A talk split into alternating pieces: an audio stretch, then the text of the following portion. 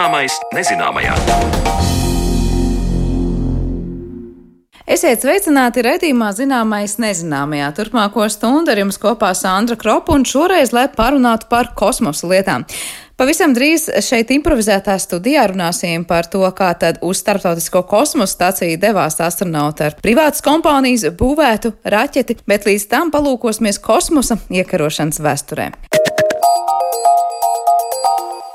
Šobrīd galvenie priekšnoteikumi, lai dotos kosmosā, ir pieredze, izglītība un emocionālā noturība. Tā saka astronomijas entuziasts Inns Češāns, stāstot par pirmajiem un tagadējiem kosmosa iekarotājiem. Par ievērojamākajiem astronautiem, smagākajām traģēdijām, izplatījumā un astronautu vaļaspriekiem atrodoties misijā, Intu izjautāja manu kolēģi Zane Lāce.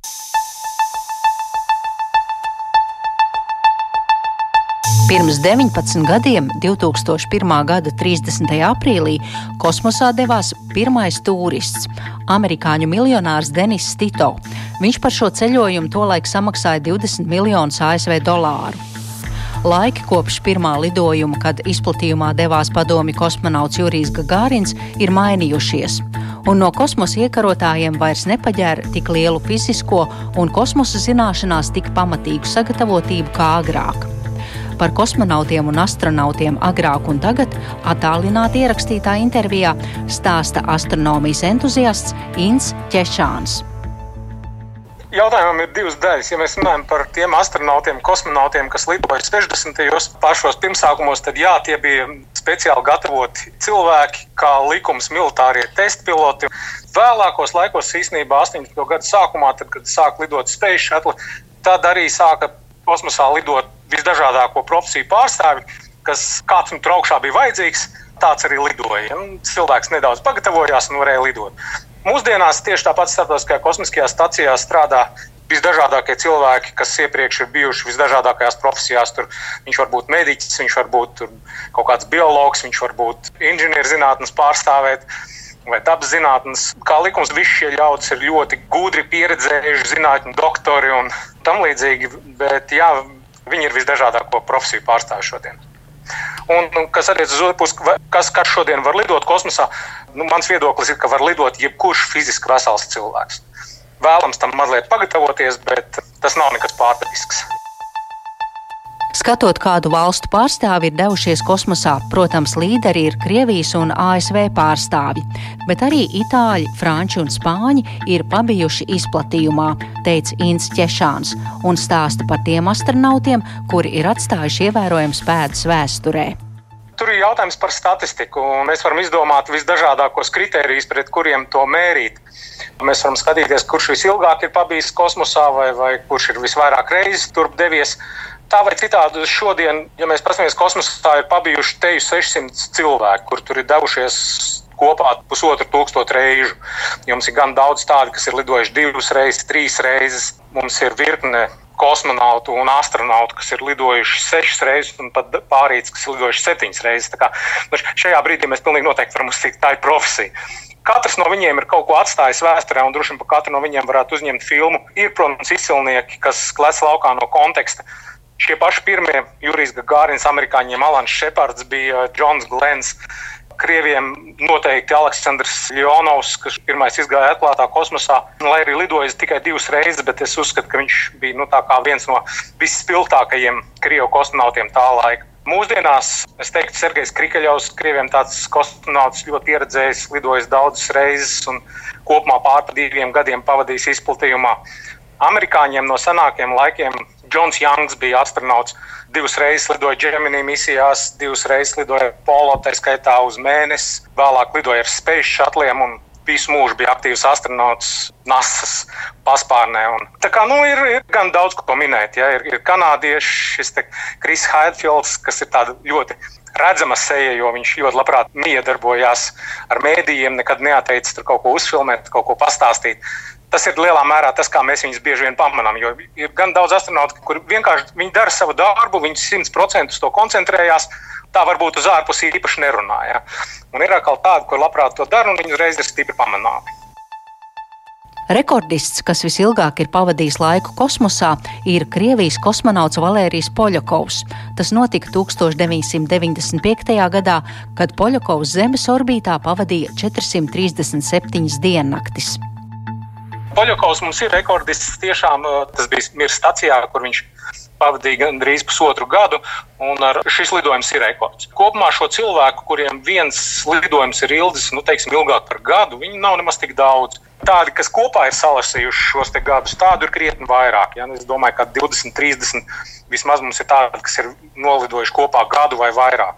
Paši rekordisti mums ir tāds Genādijs Padalka, viņam ir apmēram 2,5 gadi kopējais laiks kosmosā, ko viņš pavadīs dažādās misijās. Iztaujāju arī Intu Češānu par to, kā kosmonauti pavada savu laiku, atrodoties tālu prom no Zemes izplatījumā. Agrākos laikos varbūt tās iespējas nebija tik lielas, bet mūsdienās starptautiskajā kosmiskajā stacijā dzīvo apmēram to pašu dzīvi, ko mēs šeit. Protams, darba viņiem tur ir daudz, un, un tas dienas režīms ir ļoti strikts. Viņiem viss pusgads, ko viņi tur pavada augšā, ir pa piecām minūtēm sarakstīts. Katras piecas minūtes ir sarakstīts, ko viņš dara. Tas gan arī ietver to, ka viņiem ir brīvdienas, kad viņi vienkārši dara to, kas viņiem patīk. Bet, jā, nu, visādi viņi tur izklaidējās. Man grūti iedomāties, kā var tur izklaidēties bezsvaru stāvoklī.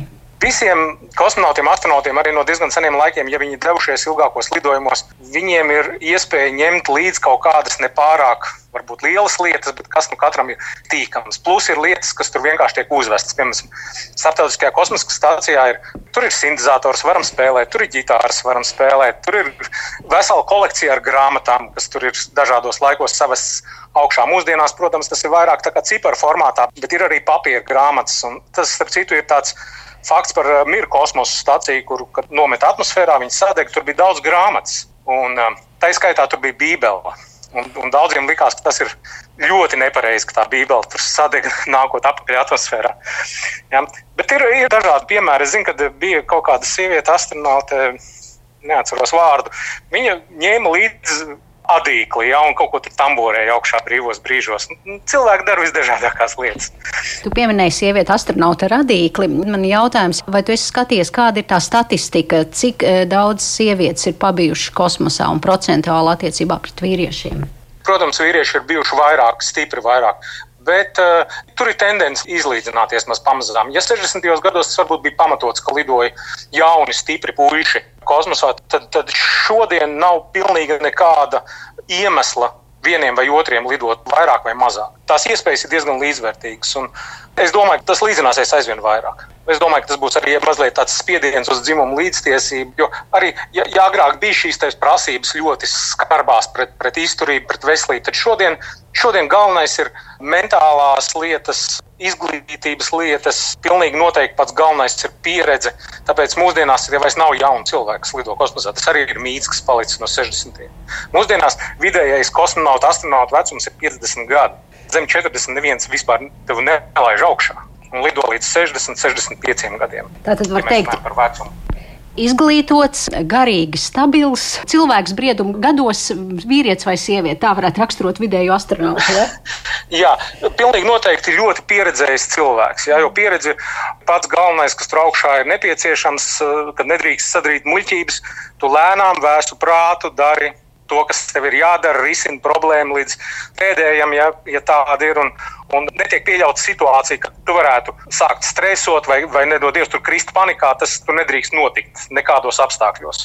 Pat cik ir iespēja izvēlēties, tad mēs izvēlamies, protams, tos, kuri būs stabili, nosvērti, gudri, varoši izdarīt visdažādākās lietas, visdažādākos eksperimentus, kas tur tajā kosmiskajā stācijā notiek. Viņi strādā ar lielām komandām uz Zemes, kas viņus atbalsta. Ja tas ir ķīmijas eksperiments, būs ķīmijas komanda aizmugurē, ja tas būs kaut kāds metālurģijas eksperiments, būs metālurģija komanda aizmugurē. Bet tev kā rokām tev ir jāvar to izdarīt. Tev, tev ir jābūt gan vispusīgam, inteliģentam, mentāli ļoti stabilam. Jā.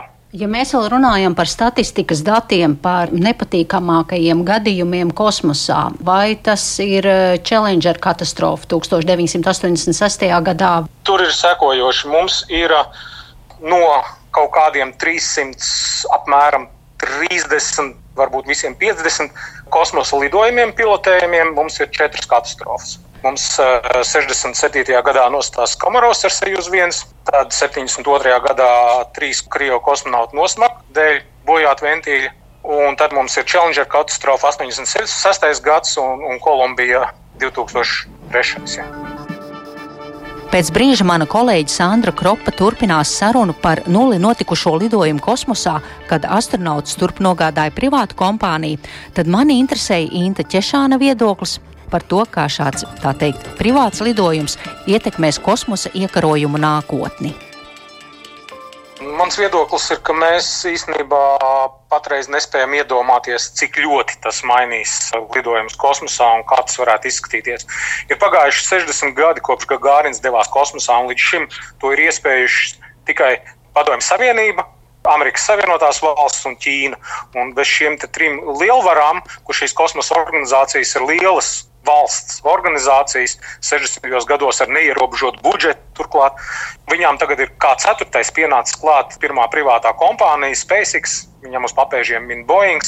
Es domāju, ka viņi padarīs uh, lidojumus krietni pieejamākus. Tas joprojām būs ļoti bagāts cilvēku teikt, izspriedzi, ja kāds tur gribēs priekšpēc doties augšā, bet šie lidojumi kļūs pieejamāki. Ja? ja man jāsaka, kas notiks pēc nākamajiem 60 gadiem, kur mēs būsim, es domāju, ka, ka privātie kosmosa lidojumi totāli dominēs pār visu. Būs, protams, NASA ar saviem aparātiem, kas bīdīs tādu nu, pašu, pašu zinātnes spīdus uz priekšu. Būs militāristi kosmosā, gribam to vai nē. Bet lielo to lauku, vienalga vai tās būs kaut kāda rūpniecība un industrializācija, vai tā būs zinātne, vai tās būs izklaides, to lielo lauku noklās privātie.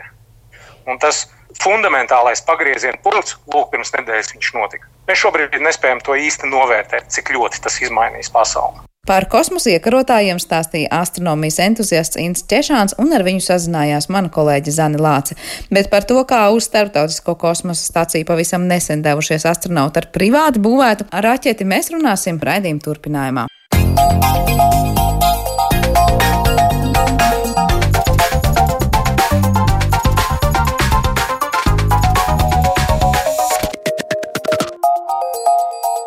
Zināmais nezināmajā. Nesen tiešsaistē varējām vērot, kā kompānijas SpaceX kosmosa kuģis sekmīgi startē un pēc 19 stundu lidojuma savienojas ar starptautisko kosmosa stāciju. Šim notikumam līdzi sekoja arī pašmāja kosmosa entuziasti, un tad, nu, lai plašāk parunātu par to, kā tas notika un ko šāds notikums īsti nozīmē, esam šodien uz mūsu improvizēto studiju aicinājuši IT speciālistu Raiti Misu un portāla Starspēs LV redaktoris un težu observatorijas saimniece Annu Ginteru. Labdien jums abiem! Labdien! Pagājušās nedēļas nogalē daudzi pasaulē, visā pasaulē vēroja nu, jau pieminēto notikumu, un es zinu, ka arī jūs bijāt šo vērotāju skaitā. Nevelti nereti izskanēja jau frāze, ka tas, kas notika, ir tiešām vēsturisks brīdis un jaunu lapus vispār kosmosa apgūves ērā. Kā jūs komentējat to, kas notika un ar kādām sajūtām jūs tos notikumus vērojāt? Nu, jā, es teikšu, ka tas ir saviņojošs notikums Pirmkārt, tas ir 11, ne, 9 gadi pagājuši kopš no ASV teritorijas startē kosmiskais aparāts, kosmosa kuģis ar cilvēkiem, tātad pilotējams lidojums. Un tas savā ziņā arī pārauj Roskosmos monopolu stāvokli. Un, protams, tas paver daudz plašākas iespējas pašiem amerikāņiem, gan NASA, gan privātajām kompānijām. Uh, sūtīt augšā mm, astronautus gan uz kosmisko stāciju, gan arī cita veida lidojumiem. Tā kā principā tas ir kaut kas, nu, tiešām, nu, nu ne gluži tā, ka mums tagad ir pilns ar privātajām kosmiskajām raķetēm un mums ir kosmodromi, kā zinātnes tās fantastikas grāmatās, bet mēs lēnām virzamies tajā virzienā. Hmm, ka tas nav monopola stāvoklis tikai valstīm, bet arī privātie ienāk tiešām šajā it kā nosacīti pat svētajā nozarē, kurā līdz šim ir darbojušās tikai valstu aģentūras. Un tad vēl tikai dažu valstu aģentūras uz visām pusēm. Raiti, kādas tev sajūtas bija? Jā, nu, protams, saviņojoši par to vispār nav runas. Un papildinot Annas teikto, uh, ir svarīgi arī saprast to, ka uh, tas uh, ir pirmā reize, kad tieši tā startē privātais kuģis. Un, Tā ir vispār tikai piektā reize ASV vēsturē, kad no ASV startē jauna tipa pilotējams kuģis, kas arī ir diezgan nopietns notikums. Un iepriekšējo reizi tas ir noticis pirms apmēram 30 gadiem. Nu, līdz ar to, kad, kad atspēja kuģis pirmo reizi devās savā lidojumā, līdz ar to arī šis moments, ka principā ir jūtama jauna laikmeta vēsma, varētu pat tā teikt. Kā šis laikmets, jūsuprāt, tālāk iezīmēs tās aprises? Vai mēs varam teikt, ka tagad daudz regulārāk un biežāk būs starti, vai tagad varbūt tomēr, nu, ja negluži kā Antēs viens pēc otras būs šīs kompānijas, bet daudz vairāk un, un vairākus parādīsies? Kā jūs prognozējat to tālāko gaitu? Es domāju, ka tas nebūs gluži tā, ka ļoti strauji parādīsies jaunas kompānijas, jo tomēr pilotējumam lidojumiem ir ārkārtīgi stingras šīs prasības, un tās ir daudz grūtāk realizēt. Uh, bet uh, tas nozīmē to, ka nebūs vairs šis monopols tālrunis. Un, ja mēs paskatāmies plānotos dragonu apkalpes lidojumus, kas ir plānoti tuvākajā laikā, tad mēs redzam, ka lidos ne tikai Startautisko kosmisko staciju un tikai NASA vai Eiropas kosmosa vai citu valstu astronauti, bet ir plānoti arī privātu kompāniju nopirkti lidojumi. Viens no tiem ir uz Startautisko kosmisko staciju, un otrs ir vienkārši orbitālais lidojums. Tā kā principā tā ir pavisam cita jauna lapas puse tiešām kosmosa izpētē un apguvē, jo SpaceX kā privāta kompānija, protams, viņi izpildīs NASA līguma atrunātos nosacījumus, bet tas neliedz viņiem veikt arī savus privātus lidojumus, pārdodot gan turistiem, gan zinātniekiem, kompānijām, kas ir spējīgas maksāt šo iespēju nodarboties gan ar zinātnē, kosmosā, gan, protams, arī tīri izbaudīt, ko nozīmē lidojums kosmosā. Nevis vienkārši tur pāris minūtes paplivināties mikrogravitācijas apstākļos, bet tiešām izlidot ārpus Zemes gravitācijas jūga. Un, protams, tagad mēs arī redzēsim, kad parādīsies arī citas kompānijas, piemēram, Boeing, kurš ar Starliner ir nedaudz atpalicis Bet šis viņam varētu būt arī tāda spēcīgāka motivācija, ka jāsaņemās tāpat arī citām kompānijām, kurām varbūt ir potenciāls realizēt pilotējumus lidojumus. Es domāju, ka tas, ka uh, SpaceX ir to izdarījis, tas liecina to, ka to var tiešām izdarīt privāts uzņēmējs, ieguldot zināmas naudas līdzekļus un esot tādam, tā, kā angliski saka, dedicated, uh, ļoti, ļoti mērķiecīgi ejot uz šo gala rezultātu. Uh mhm. -huh. Jā, paldies, Raiti. Tev droši vien arī ir ko teikt. Jā, nu te par to privāto, protams, jā, bet ir jāpiebilst, ka SpaceX nebūtu SpaceX, ja nebūtu NASA. Un tas ir jāapzinās, ka ļoti lielas naudas līdzekļus SpaceX ir saņēmuši tieši no ASV federālā budžeta. Un tas ir viens no iemesliem, kāpēc šī kompānija ir attīstījusies tik strauji, jo viņa rīcībā vienkārši bija šie finanses līdzekļi. Uh, otrs komentārs par lidojumiem ir jāsaprot, ka, ka sajūta tagad tiks daudz mazāk izmantots, kaut gan pavisam atteikušies. Es saprotu, NASA no šī pakalpojuma nav vienkārši viņi izmantos maz vai nemaz. Un tas nozīmē to, ka atbrīvosies sēdvietas sajūta raķetēs.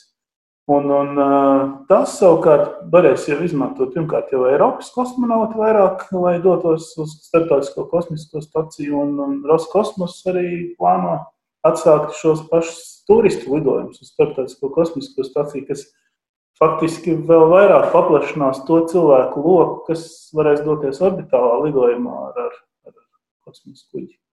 E, es pareizi saprotu, ka līdz šim amerikāņiem vieta Sojus kuģī maksāja vismaz 80 miljonus dolāru, lai nogādātu astronautu. E, vai tā ir tiesa, ka tagad nu, tas ir vienkārši mazāk maksās amerikāņiem arī? Par cenām tur ir tā, ka cenas pieaug, un cik es saprotu, ka pēdējais starts, kas ir laikam oktobrī plānots, viņiem NASA izmaksā 90 miljonus dolāru. Savukārt salīdzinājumam SpaceX viena astronauta nogādāšana orbītā ir lēsta ar apmēram 55 miljonu dolāru vērtībā. Uz kā rēķina SpaceX piedāvā šīs zemākās cenas, ja tā var teikt, ja darbu viņi izdara precīzi to pašu? Pavisam vienkārši uz to, ka ir daudz jaunāka, modernāka raķete. Visiem zināms, ka tiek atkārtot izmantot šīs raķetes pirmās pakāpes. Pavisam nesen tas bija vakar. Notika vēsturisks notikums, un, un pirmo reizi izdevās piekto reizi nosēdināt vienu un to pašu raķetes pirmā pakāpi. Tas ir jauns teiksim, tā, sasniegums raķešu lidojumos. Un vēl interesanti, ka paiet desmit gadi kopš pirmās Falcon 9 raķetes starta, kas arī tāda nu, diezgan zīmīga diena, kad, kad šis pilotējumais lidojums notiek nu, apmēram ap, ap šo nozīmīgo jubileju. Jā, tāda kārtīga dzimšanas dāma pašam Falkonam priekš sevis ir izdevusies nogādājot kosmonautus, astronautus starptautiskā kosmosa stacijā. Bet uh, pašā sākumā arī Raita, tu minēji, ka tīri tehnoloģiski ļoti atšķirīgi ir šie te, gan, pat es saprotu, raķete, uh, gan ar to atgriešanos atpakaļ uz Zemi, šo pirmo posmu. Kas tehniski ir tas jaunais? Ne tikai tātad tas, ka ir privāta kompānija, kas tagad paver pavisam jaunas iespējas, bet vai tīri tehniski ir ļoti, ļoti atšķirīgas princips, kā notika šie lidojumi līdz šim un kā tie notiks tagad?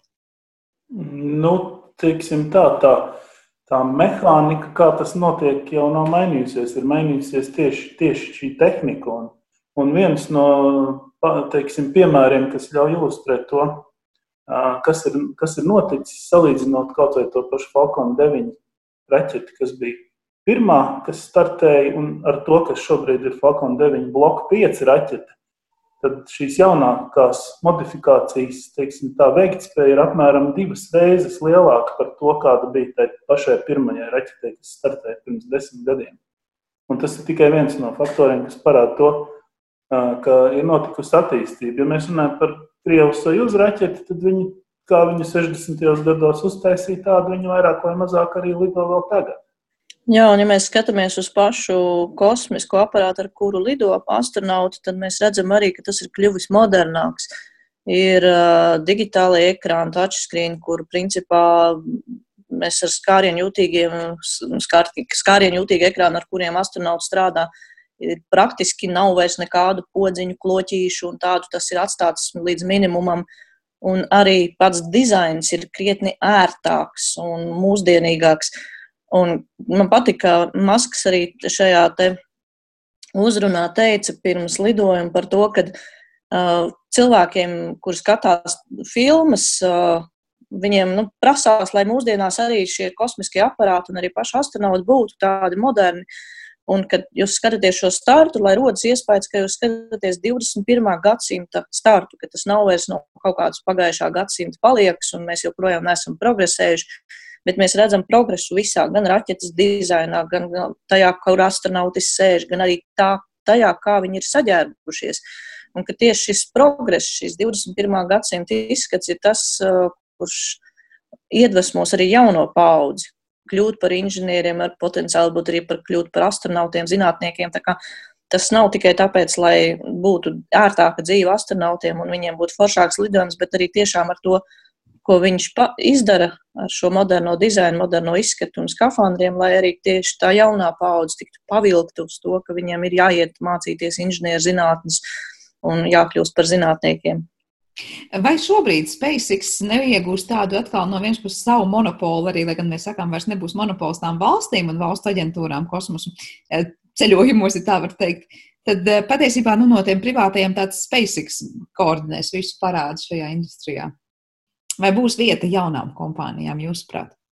Noteikti būs tādu draudu, ka tagad SpaceX nomonopolizēs uz visiem laikiem piekļuvi kosmosam privātā veidā. Tas tā noteikti nebūs, jo, kā zināt, tas pats Boeing Starliner, kas arī ir pilnīgi privāts pasākums, un, un ir arī citas iniciatīvas, kuras ir uh, uz, uz rasējuma dēļiem vairāk varbūt šobrīd, bet arī Arī citas kompānijas uh, raugās uh, šo pilotējumu lidojumu virzienā, un, un tas ir tikai laika jautājums. Kā, kā jau tika minēts mūsu sarunā, izveidot pilotējumu kosmosa kuģi un raķeti, kas šo kosmosa kuģi spēj nogādāt kosmosā, iegūt visus certifikātus. Uh, tas ir garš un dārgs process. Tas vienkārši prasa laiku, bet, bet visādi citādi tur nav nekādu šķēršļu darīt citiem turpināt un, un savus uzsāktos projektus un, un kļūt par konkurentiem SpaceX. Bet nav tā, ka tu pats teici, ka SpaceX paveicās, ka viņiem bija NASA, vai tagad citām kompānijām arī būs NASA blakus? Nu, Boeingam arī ir NASA, un turklāt ir vēl lielāka līguma summa nekā SpaceX gadījumā. Līdz ar to nevar teikt, ka NASA tikai vienu SpaceX sponsorē. Nav jau gluži arī tā. Jā. Uh, un principā es domāju, ka attīstoties ārējais uh, projektam un mēnesis izpētēji, uh, būs daudz jaunas kompānijas. Varbūt ne visām vajadzēs tos pilotējumos lidojumus, un varbūt ne visas realizēs astronautu nogādāšanu uz mēnesi un tālāk.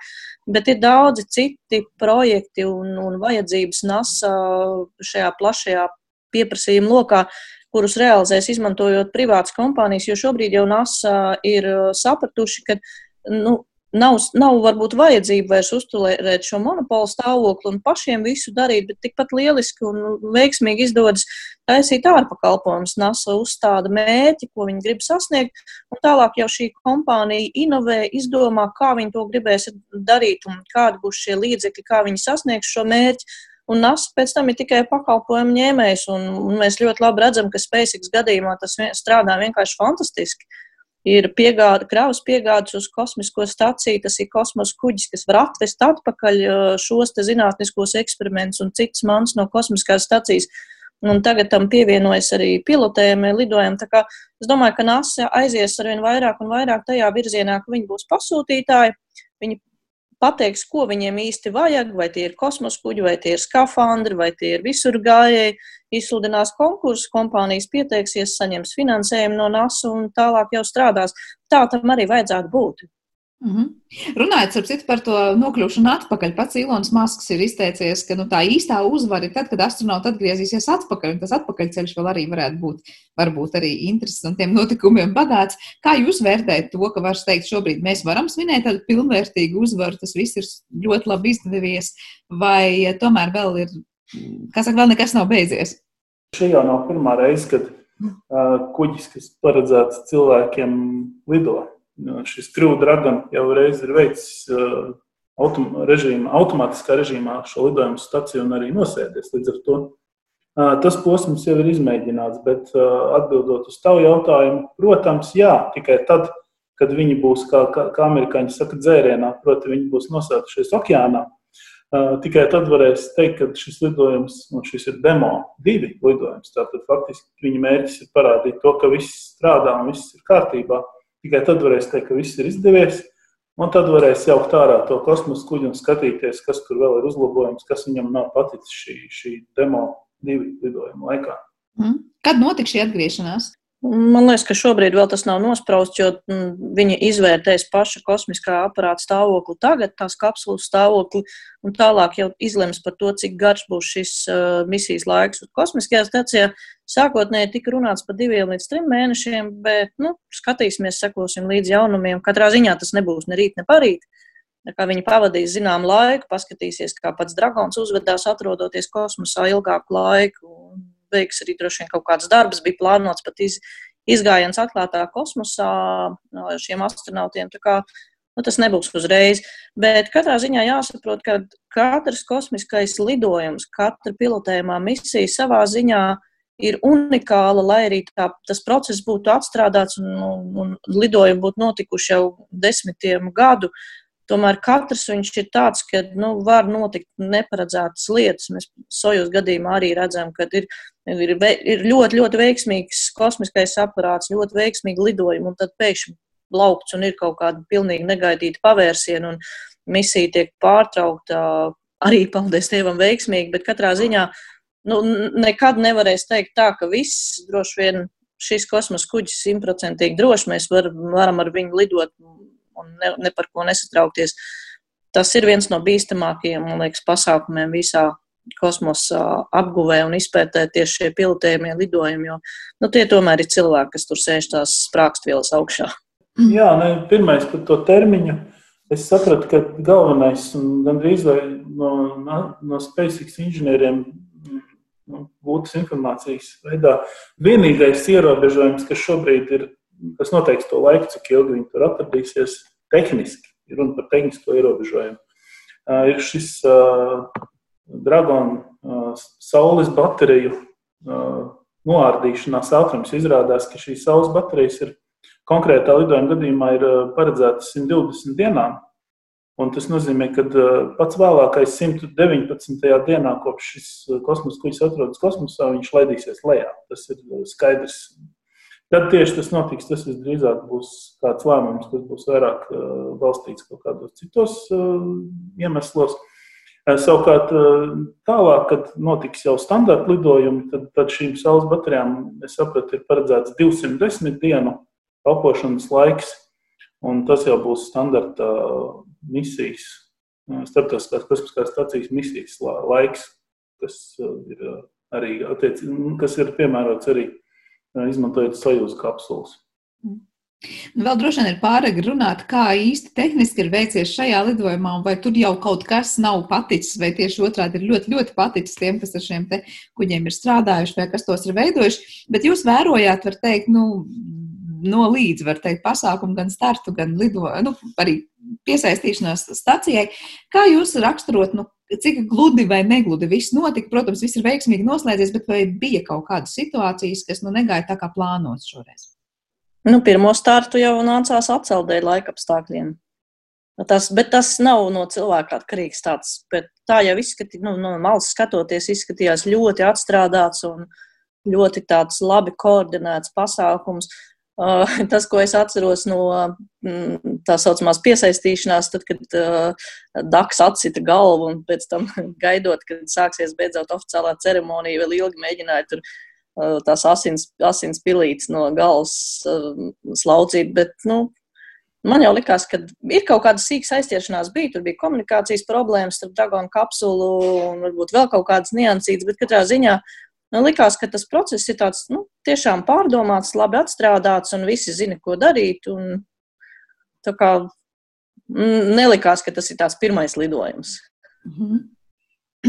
Raiti, kādas tev bija sajūtas vai vērtības? Nu, Jā, nu, komentārs tāds, ka gal galā viņi jau šīm misijām gatavojas ļoti ilgu laiku, un visa plānošana notiek soli pa solim, notiek ļoti ilgu laiku pirms paša lidojuma. Un, un faktiski ir tā, ka katrs solis, ko viņi veic, un ko, ko varēja arī vērot lielākoties tiešraidē, bija jau zināms. Tiem, kas to misiju plānoja, bija zināms, ka viņi tad darīs to, tad darīs šo, un no paša to lidojumu dalībnieku komentāriem sapratu, ka viņi faktiski ir diezgan labi. Tas, ko viņi piedzīvoja, labi sakrīt ar to, ko viņi piedzīvoja simulatorā, trenējoties šiem, mm. šiem, lido, šim lidojumam. Vienīgā lieta, kas, ko simulators nespēja simulēt, ir šis reālais lidojums, tās reālās dinamiskās slodzes, kas ir kosmosa kuģiem, raķetei un arī attiecīgi ar to saistītās skaņas un izjūtas. To Protams, simulators nevar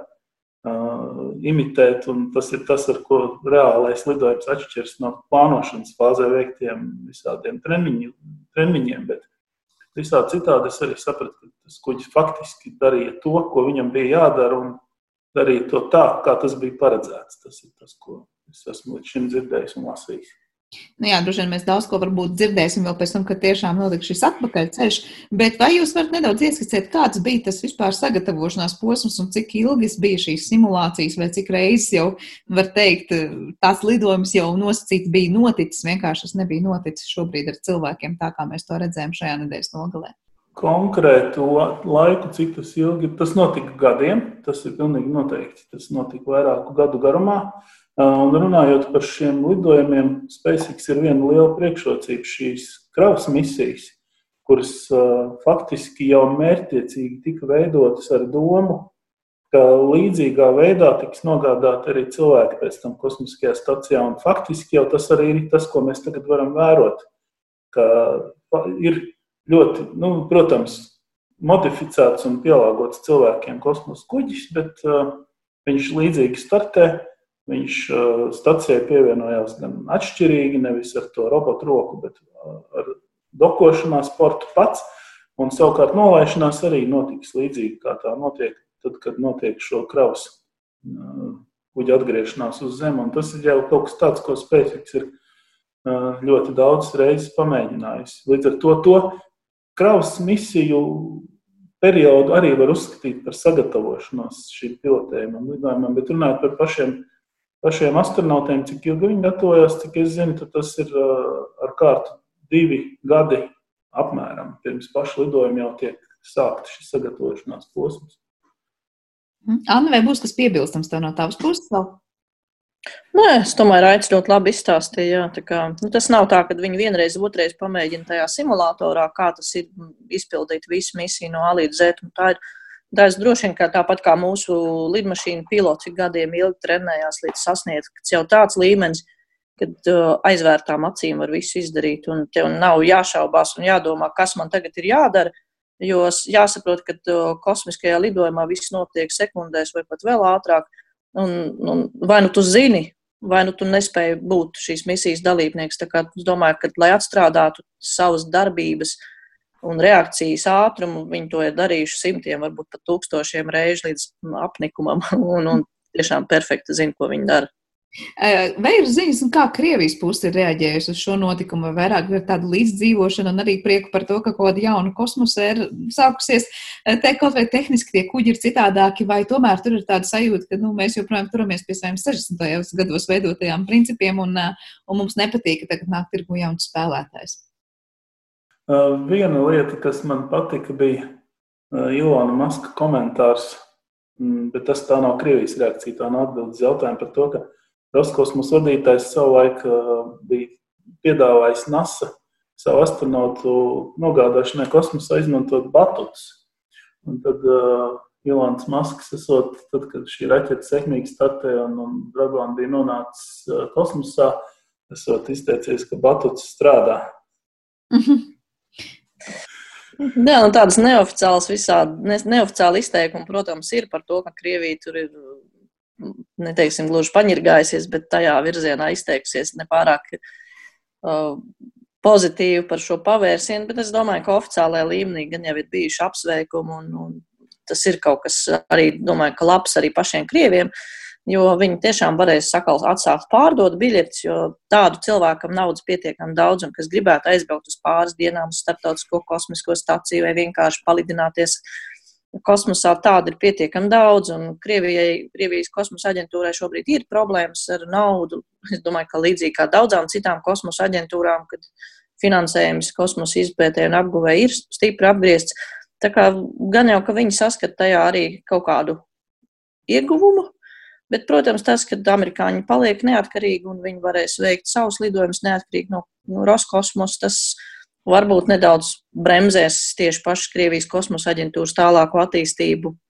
Nu, to mēs vēl redzēsim. Jā, tas viss ir atkarīgs arī no valstu vadītāju, tās kopējās politikas, uz kurien īsti grib virzīties. Un, Mēs labi redzam arī Amerikas gadījumā, ka nomainās prezidents, mainās šis fokus, uz kurien viņi īsti taisās lidot. Un, un droši vien arī Krievijas gadījumā arī tas ir atkarīgs no tā, kāds ir uzstādījums valsts līmenī vai kosmoss ir nopietna nozara, ar kuru vajag rēķināties un kur vajag atbalstīt, vai gluži otrādi ir kādi citi valsts mērķi, kur tiek uzskatīti par lielāku prioritāti un kosmos līdz ar to saņem mazāku finansējumu.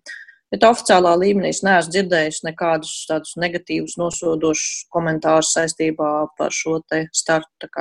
Tas, ko cilvēki izplata visādus tur bildītas ar uzrakstiem, tas ir pavisam kas cits. Jā, nu tas arī varbūt nebūtu tik ļoti arī adekvāti vērtējums, bet eh, jautājums, vai no jūsos klausoties liekas, šobrīd pat tiešām mēs beidzot varam teikt, ka tās kosmosa mm, turisma durvis ir tiešām vaļā, un šobrīd, ja vien ir nauda, tad iespējas pat tiešām ir, un tas vairs nav jautājums par to, ka kaut kad un ļoti retiem cilvēkiem. Tagad, jebkurš, kurš varēs atļauties, var lidot kosmosā līdzīgi kā lidot uz jebkuru pasaules malu ar lidmašīnu?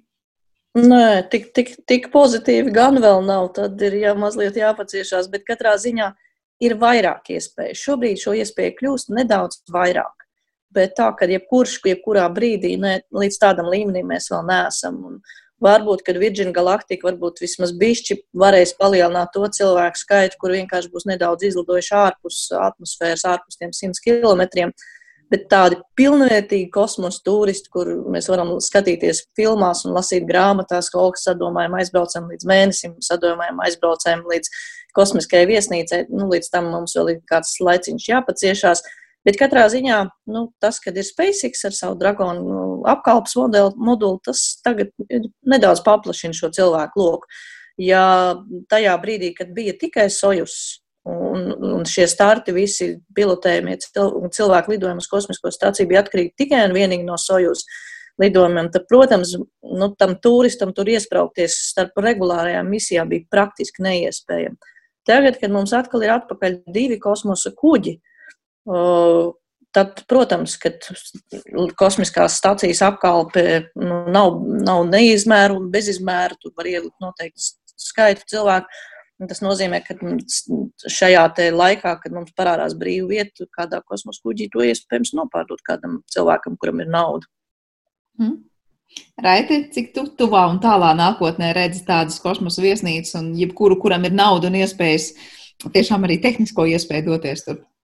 Nu, tieši, tieši tā arī ir. Kā Anna saka, ka nav jau faktiski jau jāsaprot arī tas, ka šobrīd jau tādam īstenam turistam nav jau īsti ko piedāvāt. Ir tikai šī starptautiskā kosmiskā stacija, vai arī otrs variants dzīvot tajā kapsulā, cik ilgi tur spēs nodzīvot. Kamēr nebūs šīs privātās viesnīcas, viens no variantiem būtu šī Bīgola uzpūšamā, piepūšamā moduļu veidīgā stacija, kas būtu faktiski kā viesnīca. Kamēr kaut kas tāds orbītā nav nogādāts, līdz nevar arī runāt par tādu pilnvērtīgu turismu, var runāt par šīm vizītēm starptautiskajā kosmiskajā stacijā vai, vai vienkārši lidojumiem kosmosa kuģi. Un, un, jā, līdz ar to jā, ir kāds brīdis, vēl jāpagaida kamēr, kamēr būs šī infrastruktūra, faktiski tā varētu teikt. Pirmais solis varbūt arī tagad vairāk tiks spērts tajā virzienā. Bet noslēdzot jūs, šo sarunu, jūs teicāt, nebūs tagad tā, ka viens vienīgs SpaceX dominēs šajā lauciņā un ir arī citi, un Boeings ir ļoti tuvu tam. Vai tas nozīmē, ka tagad Boeingam un citām kompānijām ir jārada kaut kas pilnīgi citādāks un jauns, vai tehniski, vai kā citādi inovatīvāks, lai nu, nekopētu tādas pašas SpaceX raķetes, ar ko citi privātie var ienākt šajā nišā un izrādīties varbūt veiksmīgāk par to SpaceX, kas tur šobrīd jau sev ir pierādījis? Jā, es domāju, ka šeit nav tādu uh, stingru spēles noteikumu, kas tev uzliek par pienākumu izradīt kaut ko jaunu, unikālu, jo gal galā tur jau ir zinām arī fizikas likumi, kam ir jāpakļaujas, lai vispār tajā kosmosā tiktu. Un tas veids, kā tur nonākt, nu jau ir diezgan labi pierādījies, ka šādā veidā, kā mēs to darām šobrīd ar šiem kapsulu veidu kosmosa kuģiem, ekonomiski ir visizdevīgākais. Un līdz ar to neko īpaši jaunu viņi neizdomās. Cits jautājums ir par to, ka viņi varbūt var piedāvāt, piedāvāt nezinu, cepumiņu pie kafijas vai kaut ko tādu, vai tajā brīdī, kad būs piedāvājums, kur ir vairāk kā viena iespēja tikt šajā kosmosā, kāds izvēlētos tieši tevi kā komerciālo no, kosmosā no, nokļuvēju. Bet visādi citādi es domāju, ka šobrīd tā situācija ir tāda, ka pieprasījums tik ļoti pārsniedz to piedāvājumu, kāds vispār ir. Tur šobrīd nav tuvākā laikā redzams kaut kāds iemesls, kāpēc kādam, kuram ir šī iespēja, viņu kāds nepirkt. Mm -hmm. Paldies, Anna, tev noslēdzošais vārds par to, ar ko jāpārsteidz vai nav jāpārsteidz pārējiem ienācējiem šajā jomā. Jā, es arī piekrītu Raitim, ka šobrīd pieprasījums ir tāds, ka nu, kaut vai pēkšņi uzrastos piecas jaunas kompānijas, tad tāpatās tie kosmosa kuģi būtu pilni. Jo tā cena, kas šobrīd kļūst ar vien draudzīgāku un draudzīgāku, tā paver iespēju lidot tiešām ne tikai astronautiem, mērķiecīgi uz kosmisko stāciju vai apkārt Zemes orbītā, bet tā paver iespēju zinātniekiem, inženieriem, arī vienkārši cilvēkiem, kas grib kaut kā dažādot savu dzīvi tiem pašiem turistiem, varētu tā teikt tā paver iespēju tiem doties kosmosā un beidzot pašiem pētīt savus izgudrojumus, materiālus, zinātnēs, piemēram, medicīnā un tā tālāk. Jo līdz šim, ir, ja, ja kāds izstrādā kādu eksperimentu, viņam bija jāstāv milzu garā rindā, jā, jāveic dažādi priekšnosacījumi, lai viņš vispār tiktu uz kosmisko stāciju un varētu tur piedalīties.